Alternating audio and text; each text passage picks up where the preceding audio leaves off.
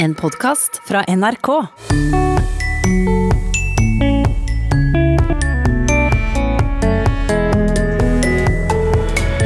Språket smoi i Mandal er en kulturarv man bør ta vare på, mener Språkrådet. Men er smoi et språk? Jeg vil si at det er ikke et typisk språk, men en form for språk er det likevel. Og vi fortsetter å markere at Scrabble-spillet Wordfeud er ti år.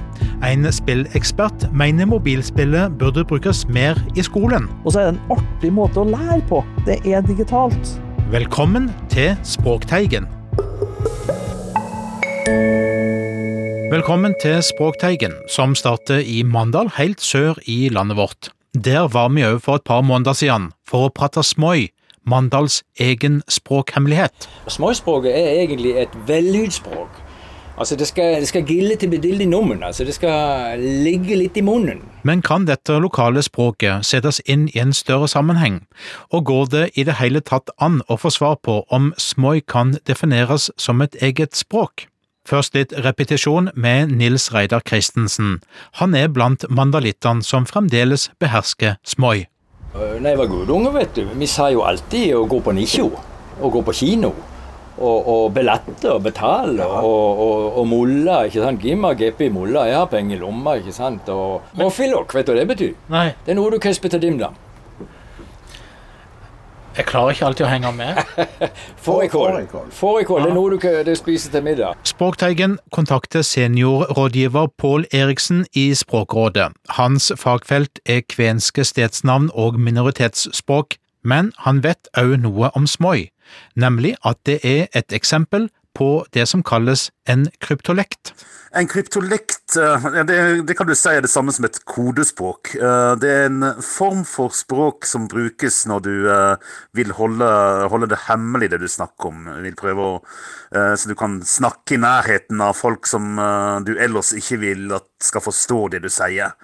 Eh, og det er gjerne, De tar gjerne utgangspunkt i det vanlige språket du ville brukt, men hvor, uh, hvor, hvor deler av ordet er blitt stokka om, sånn at det blir vanskelig å forstå for folk som eh, ikke kjenner denne, denne koden, så å si. Gjerne Hver, hver kryptolekt har gjerne en spesiell måte å gjøre det på. Og det kan bekreftes av smoispråkets opprinnelse, tilbake til tiåret etter første verdenskrig. Det ble pratet av fiskehandlerne på fiskebrygga. Og så sier kanskje den ene fiskeren øh, fem kroner. Men så sier den ene fiskehandleren til den andre Yban Riffer, som betyr byen fire. Før drosjesjåførene tok språket videre. Kek røkna, ra kek med fred, du roff kekepan. Som betyr ikke kjør han. Han har ikke fem øre, du får ikke penger. Det her er utbredt over hele kloden. Eh, Og du ser veldig gjerne at det er handelsfolk. eh, Slaktere veldig ofte, men også andre type handelsfolk. Når de, skal, når de skal stå og diskutere kjøp og handel i nærheten av en kunde, men ikke vil at kunden skal forstå, så har de gjerne sånn der eh, hemmelig språk de kan snakke på seg imellom. Så du har for eksempel eh, den franske kryptolekta lochebem.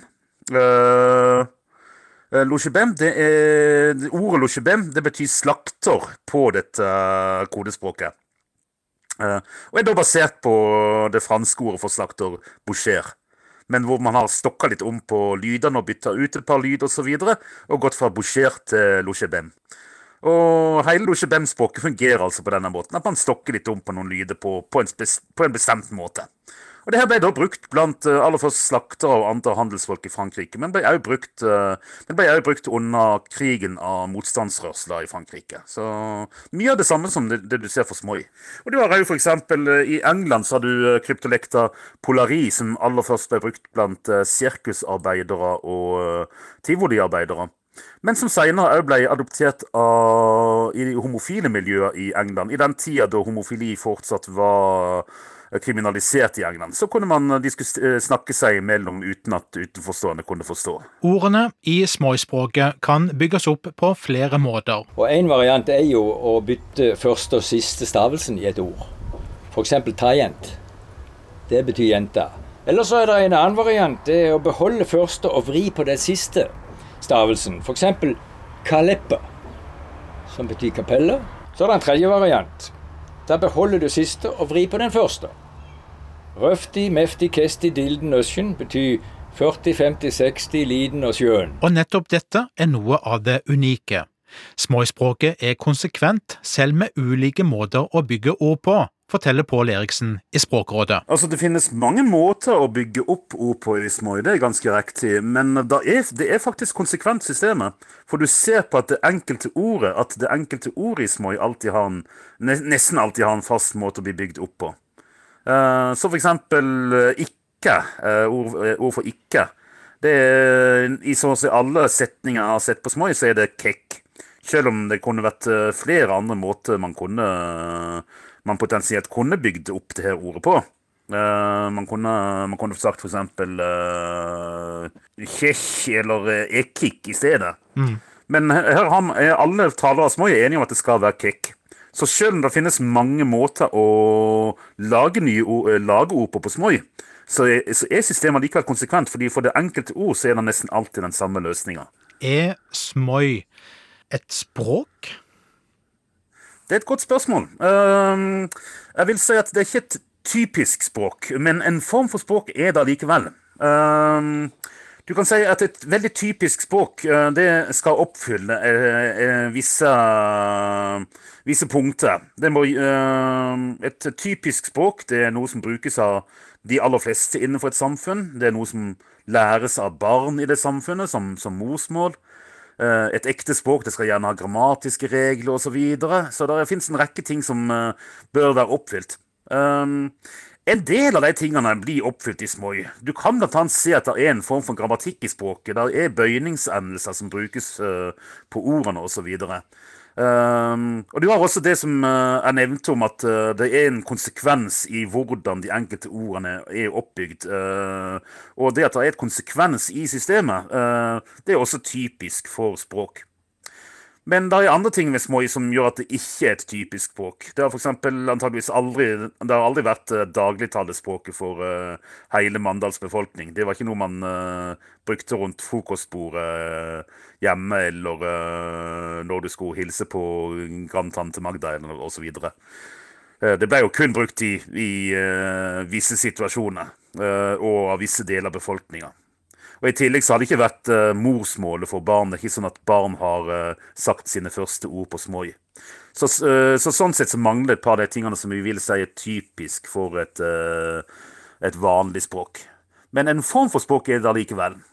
Og det, ikke, det er ikke noen sånn gudegitt definisjon av hva et språk er. Det, ikke, det er ikke en definisjon som er meisla inn i steinen noe sted. Så, så det går ikke an å, å gå ut og ha en uh, og si helt klart ja eller nei til om, til om små i et språk. Men typisk språk, det er det ikke. Men en kulturarv, det er det? Definitivt. Det er definitivt en kulturarv som mandalittene skal være stolte av. Så det er veldig bra at eh, det finnes eh, folk i Mandal som tar vare på Smoi og fortsatt snakker det. Det sa seniorrådgiver Pål Eriksen, som også har skrevet om Smoi-språket i Språkrådets blad Språknytt.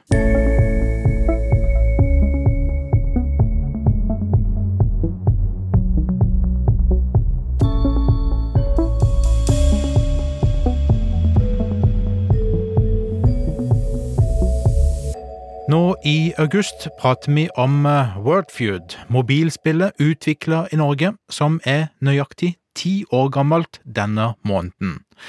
Wordfeud er et eh, Scrabble-lignende spill som kan lastes ned på mobilen.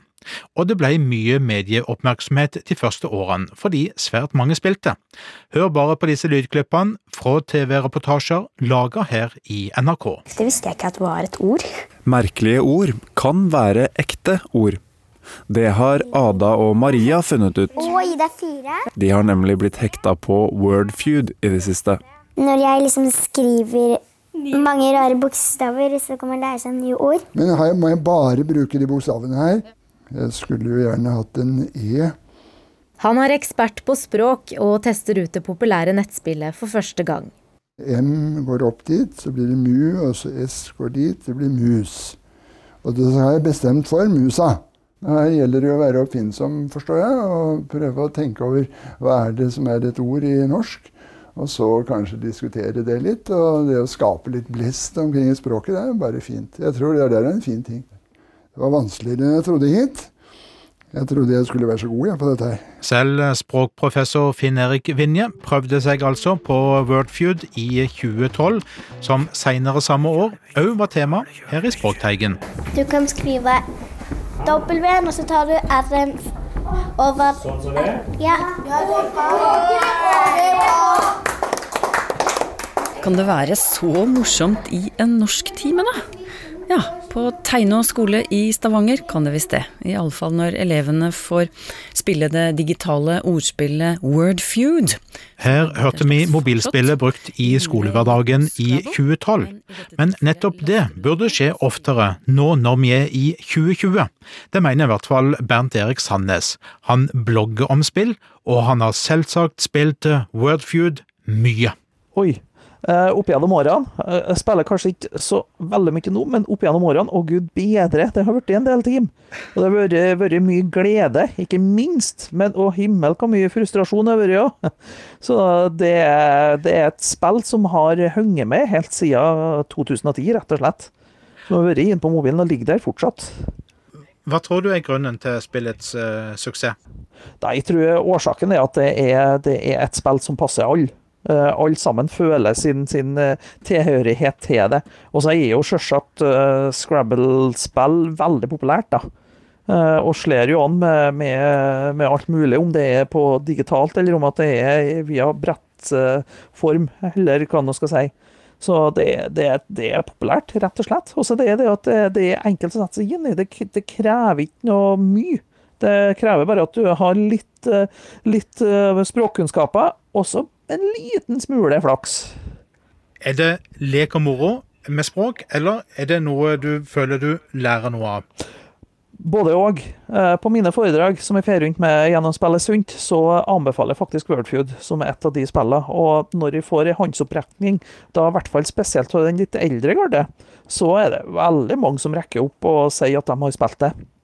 Så det er, det er, en blanding, rett og slett. Du lærer pga. at det er en del ord som du aldri i verden har trodd har vært ord, men som plutselig dukker opp da, ved at du har litt flaks og stokker om på noen bokstaver.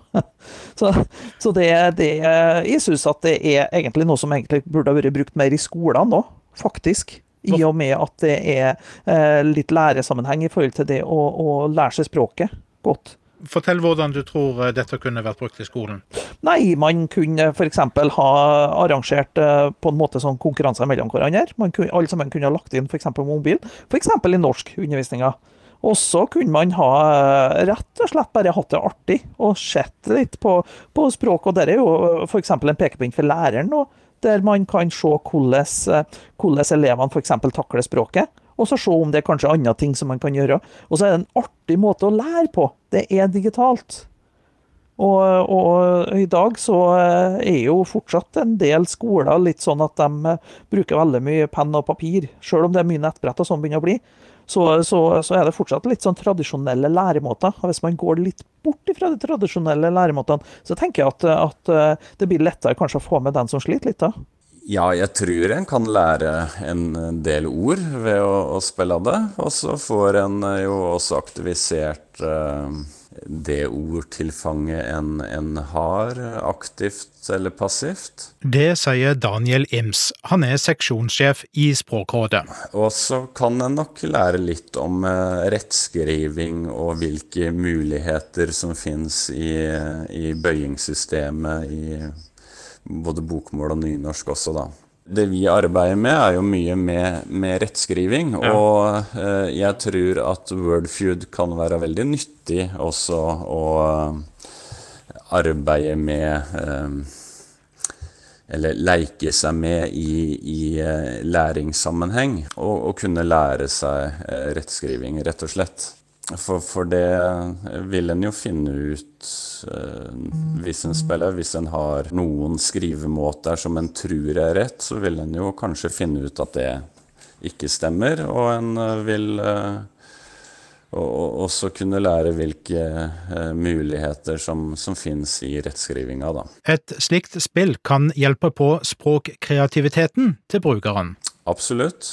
Både kreativitet og eh, det å lære seg ord og eh, ja, i det hele tatt, det å ha det gøy med språk er jo veldig viktig. Så der kan absolutt spill som Wordfeud bidra til å spre glede. Men Wordfeud kan òg være blodig alvor, i hvert fall blant voksne.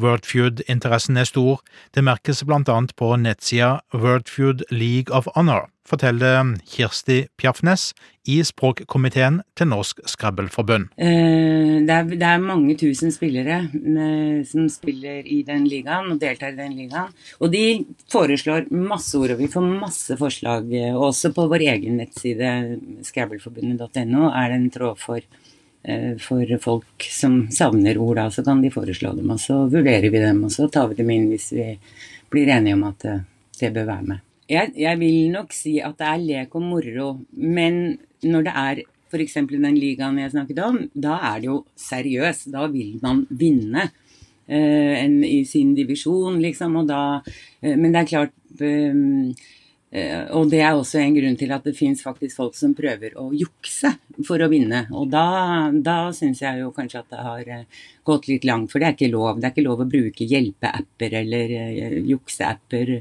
for å når man spiller i ligaen. Spiller man uten at det er en konkurranse, så håper jeg jo at folk gjør det fordi de syns det er gøy, ikke fordi de Ja, også fordi de har lyst til å lære nye ord. Det er jo veldig mange, mange ord jeg ikke kunne før jeg begynte å spille Wordfeud. Det er veldig mye rare ord som står i ordlista som man ikke nødvendigvis har hørt før eller kan fatte og begripe hva betyr. Men så kan man slå opp, da. De fleste ordene står jo i Naob med forklaringer, og da kan man eh, slå opp der og se hva det betyr, og så har man lært noe nytt. Men både Scrabble og Wordfeud skal først og fremst være morsomt tidsfordriv. Um, men i Wordfeud så er det jo på en måte litt lettere du, å legge fine bingoer fordi du har så mange forsøk. Du kan prøve og prøve og prøve, og så til slutt så er faktisk ov i paret er et ord. Etter at du har prøvd eh, alt mulig annet. Eh, så det Men det er mange Og så har vi en del eh, ord med W og C som det er morsomt å få lagt. Schwung og Salgshow, som er et sånn kunstløphopp. Det visste jeg jo ikke før jeg begynte med Scrabble, at, eh, at saltshow var et sprang i kunstløp, som er eh, Og det er oppkalt etter en kunstløper som het Saltsjov. Og schwa, for eksempel. Schwaen, det er syv bokstaver. Det er veldig fint ord å få lagt. Det gir masse poeng. C og W og sånn er jo de vanskeligste bokstavene å bli kvitt. Mens en schwa, vet du hva det er? Det er en sånn slapp e f.eks. på slutten av et ord, eller en slapp vokal. En ufullendt vokal. Som man sier eh, spise. Altså er det Det er en schwa, den ene på slutten her. Ja. Det er et ord som står i ordbøkene som jeg heller ikke kunne før jeg begynte å spille Wordfeud og Scrabble. Spillekspert Bernt Erik Sandnes tror det oppfattes som mer stuereint å spille et spill som Wordfeud, sammenlignet med andre spill til mobiltelefonen. Nei, Grunnen er til at det er, det er, det er et seriøst spill. Uh, på grunn av at det, jo, det går på språk, rett og slett. Uh, og da er det jo litt sånn at uh, jeg tror det er flere som kanskje spiller det, enn kanskje den som vedkjenner seg at de spiller òg. Uh, og det er flere som, uh, som, som, uh, som, som, liker det kanskje mer enn det de hadde trodd at de kom til å gjøre. For det er et spill som du blir litt hekta på. Uh, og det er jo det som er meninga med at man utvikler spillet, at man skal bli hekta. Det, det, det, har man klart med det spillet. Og det er litt pga. at du har det konkurranseinstinktet du får. Å, jeg skal pite med slå naboen, eller slå kona, eller slå med å vinne over den personen du spiller mot. Så det blir jo en sånn konkurrerende effekt i, i, i spillet. ja. Og selv om det finnes lignende spill til mobiltelefonen, står eh, Wordfeud sterkt, ifølge Sandnes. Det vil jo alltid komme. Det vil alltid komme spin-off alle spill som er tilnærma likt det originalspillet som har blitt populært. Og det er mange som prøver å gjøre gull og grønne skoger ut av det. Men, eh, men fortsatt så er, Wordfeud uh, kongen der, både med tanke på utviklinga, med tanke på den klassiske biten, og, og at det hele tida blir oppdatert med nye ord Så, så, det vil nok, eh, jeg tenker nok at det vil eh, leve og skinne ganske så høyt opp på, på stjernehimmelen som, en, eh, som, et spill som vil være populært.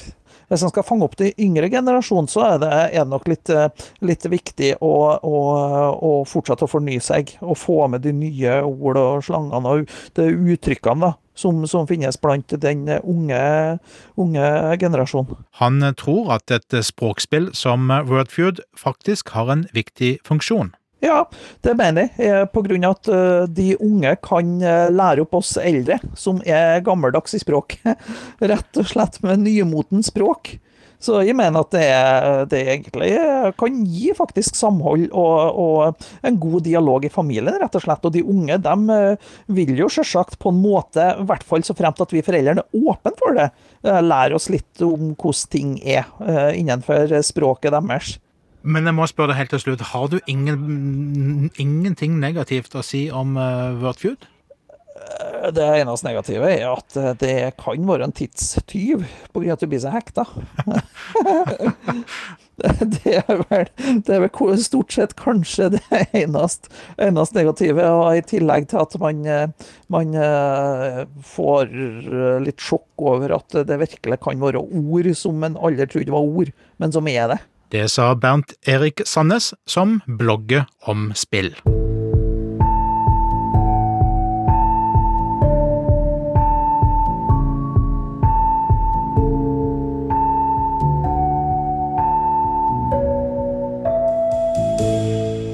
Nå skal det bli vei i vellinga her i Språkteigen. Det vil si, vi har fått et lytterspørsmål om dette uttrykket fra Kirsten Viker Lunde.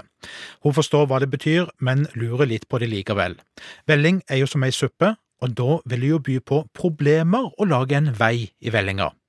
Har bokstavrimet vært med å forme uttrykket, kanskje, spør hun. Og Toren Myhre spør vår mann på faste uttrykk, Georg Kjøll, om hva han sier til det? Jeg sier at eh, Kirsten har eh, helt rett i begge deler. Det er eh, vanskelig å bane vei gjennom noe som flyter. Og det kan være litt sånn merkelig uttrykk å forstå og forklare hvorfor det har festa seg, men bokstavrim er alltid en suksessfaktor når det gjelder faste uttrykk, så hun har helt rett i, i, i begge deler. Og For å få litt sånn hull på det, så kan man jo begynne å se på det som er det sentrale ordet her, da, som, som er vei som eh, ja, vanligvis i en sånn generell betydning handler om en åpning eller en uh, passasje. Og så kan det få mange former og varianter og underbetydninger og, uh, og sånn, men, men uh, i, i, den sammensetninga med å gjøre vei noe, så, så, så snakker vi om på en måte det å skape seg, skape seg en rute gjennom, gjennom andre ting. Og da da er det ikke som en bilvei eller sykkelvei, for det er litt mer, sånn, litt mer spesifikt. Men her lager man en åpning eller en passasje, da, på samme måte som man brøyter seg gjennom et buskas eller høy snø f.eks. Eh, og det er det som er tanken her også, med, med, med vellinga. At du, du, baner deg vei gjennom en eller annen form for masse, uh, og så får du, får du en slags vei av det. Men eh, ja, velling det er, eh, det er litt, kanskje litt vanskeligere å forklare, og litt, sånn, eh, litt mer sånn trøblete som, som, språklig bilde. fordi for innsender her så handler det jo om en suppe, ja. men det kan også ha betydningen grøt, som er litt fastere. Og det har også fått en utvidet betydning i rett og slett generelt løs masse. Så da, da, begynner vi å forstå litt mer hva det er snakk om. Det er ikke så mye det ikke så mye vann som, bare, som man bare strømmer gjennom, og så blir det ikke noen vei av det. Det er, det er en løs masse som man faktisk kan danne en sånn metaforisk sti gjennom, da, som er opprinnelsen her. Så det er velling, altså? Det er den vellinga der. Mm. Og når det, nøyaktig når det uttrykket oppsto, og hvordan det, eh, hvilken betydning det kom av, det, det er litt usikkert. Men eh, kan jo se for seg, hvis man har spist sånn litt tjukk velling, at man kan uh, lage seg en liten sti gjennom det. Sitter og kjeder seg med maten og, og, og driver og leker med den, så, så blir det jo blir det en slags vei, vei gjennom det. Men hvordan er det vi bruker det, da? Eh, altså Uttrykket handler jo først og fremst eh, om å signalisere eh, besluttsomhet og handlekraft, egentlig. Og det er den samme liksom, besluttsomheten man trenger for å lage seg en vei eller bryte seg gjennom terreng. Uh, og i tilfelle matfatet, så, så, kan man jo også bruke det bokstavelig og si at det er noe som tar for seg ordentlig av en uh, servering. Og sånn har uttrykket også vært brukt mye, mye før. Så vi finner noen tidligere altså tidlige brukstilfeller, bl.a. et fra 1890 av en forfatter som heter Sofus Aars, som skriver om, skriver om dette her da, som, som det å, å, bane seg vei, for å bruke et annet uttrykk, gjennom matfatet. Han skriver om en som heter Lars, som kunne utholde ganske utrolige anstrengelser. Og han gjorde så også sitat, hva man kaller vei i vellingen. Sitat slutt, når han først nådde matfatet. Begynte det stundom under en lengre utflukt at knipe stygt med nisten, måtte jeg, for innen han hugget inn, først se, til å lure ham i en forsvarlig grøtfat. Så her er det faktisk en bokstavelig vei i velling. Det, det, han, han, bare tar, tar, for seg med det som står, står foran. Men nå, altså etter hvert Det ser vi ganske tett på. altså eller vi ser det enda tidligere, egentlig, enn 1890, at, at, uttrykket hadde en overført betydning. Og handler mer om abstrakte ting, da, som, som å f.eks. gjøre suksess i et eller annet. I teaterverdenen, f.eks., som, som vi ser i en uh, aviskilde fra 1884 allerede. Eller folk som fikk utrettet saker og ting i politikken. Så jeg fant en annen avisreportasje i Nasjonalbibliotekets kilde, hvor det står om statsråd Ketil Motsfeldt at han yndet å uttrykke seg med disse ordene 'vei i vellingen'. Og Motsfeldt gikk av i 1861, så, så, allerede da så var det nok begynt å bli litt forslitt og, og litt sånn politikerklisjé. Um, men, da har, men det har overlevd, altså. Og ja, vi, vi, vi finner det i andre parallelle uttrykk også, som å gjøre seg vei, som, som, betyr å gjøre karriere, som, som, er et litt utdatert uttrykk, men, men, som også ble brukt mye på, på samme tid. Men vei i vellinga, det, det har, har, klart seg bra, det har holdt stand. og, og, og lever i avisspaltene nå også, og så påfallende ofte om om, om, politikkens verden, egentlig. Eller i, i, sporten, som er gjerne sånn to, to, to, kjente områder for gode, gamle språklige uttrykk på randen av, randen av klisjeer. Kirsten antyder jo at det er et godt bokstavrim her, og det er vel òg avgjørende for et uttrykk, er det ikke det, Georg? Her òg? Jo, det er typisk det. Typisk det også at, at et bokstavrim kan gjøre at et uttrykk fester seg, at det er lettere å huske. Og det har vi snakket om mange ganger, med mange forskjellige, forskjellige uttrykk. Og jeg tror det gjelder, tror det gjelder spesielt her hvor, hvor, vellinga er et litt sånn rart bilde, som Kirsten også påpeker. Det er litt vanskelig å se for seg sånn utgangspunktet hva det, er, hva det er snakk om. Mm. Så det at det har blitt en suksess i, i språket, og lever fortsatt, har nok med bokstavrim å, å gjøre. At man har det på samme måte som andre litt sånn ugjennomsiktige og rare uttrykk eh, klarer å liksom bite seg fast, så, så har vei vellinga også gjort det. da, Som f.eks. bank i bord og brask og bram og eh, drit på draget og fall i fisk og alle de tingene der. er liksom, Det er ikke spesielt tydelig hva det er snakk om, men eh, punkt og prikke. Eh, eh, i hui og hast, hals på hodet, eh, så er vei i vellinga også et sånt, sånt type uttrykk. Så det, det stemmer, det. det Bokstavrim Eh, har nok veldig mye, veldig mye, å si. Og det ser vi også at det er litt sånn, litt sånn særnorsk uttrykk. De, de, man kan si det på svensk og dansk også, men det har ikke festa seg like, like, godt der. Jeg tror nordmenn er spesielt glad i bokstavrim, så det, det, har nok hatt, hatt en del å si. Og så er vi kanskje glad i velling.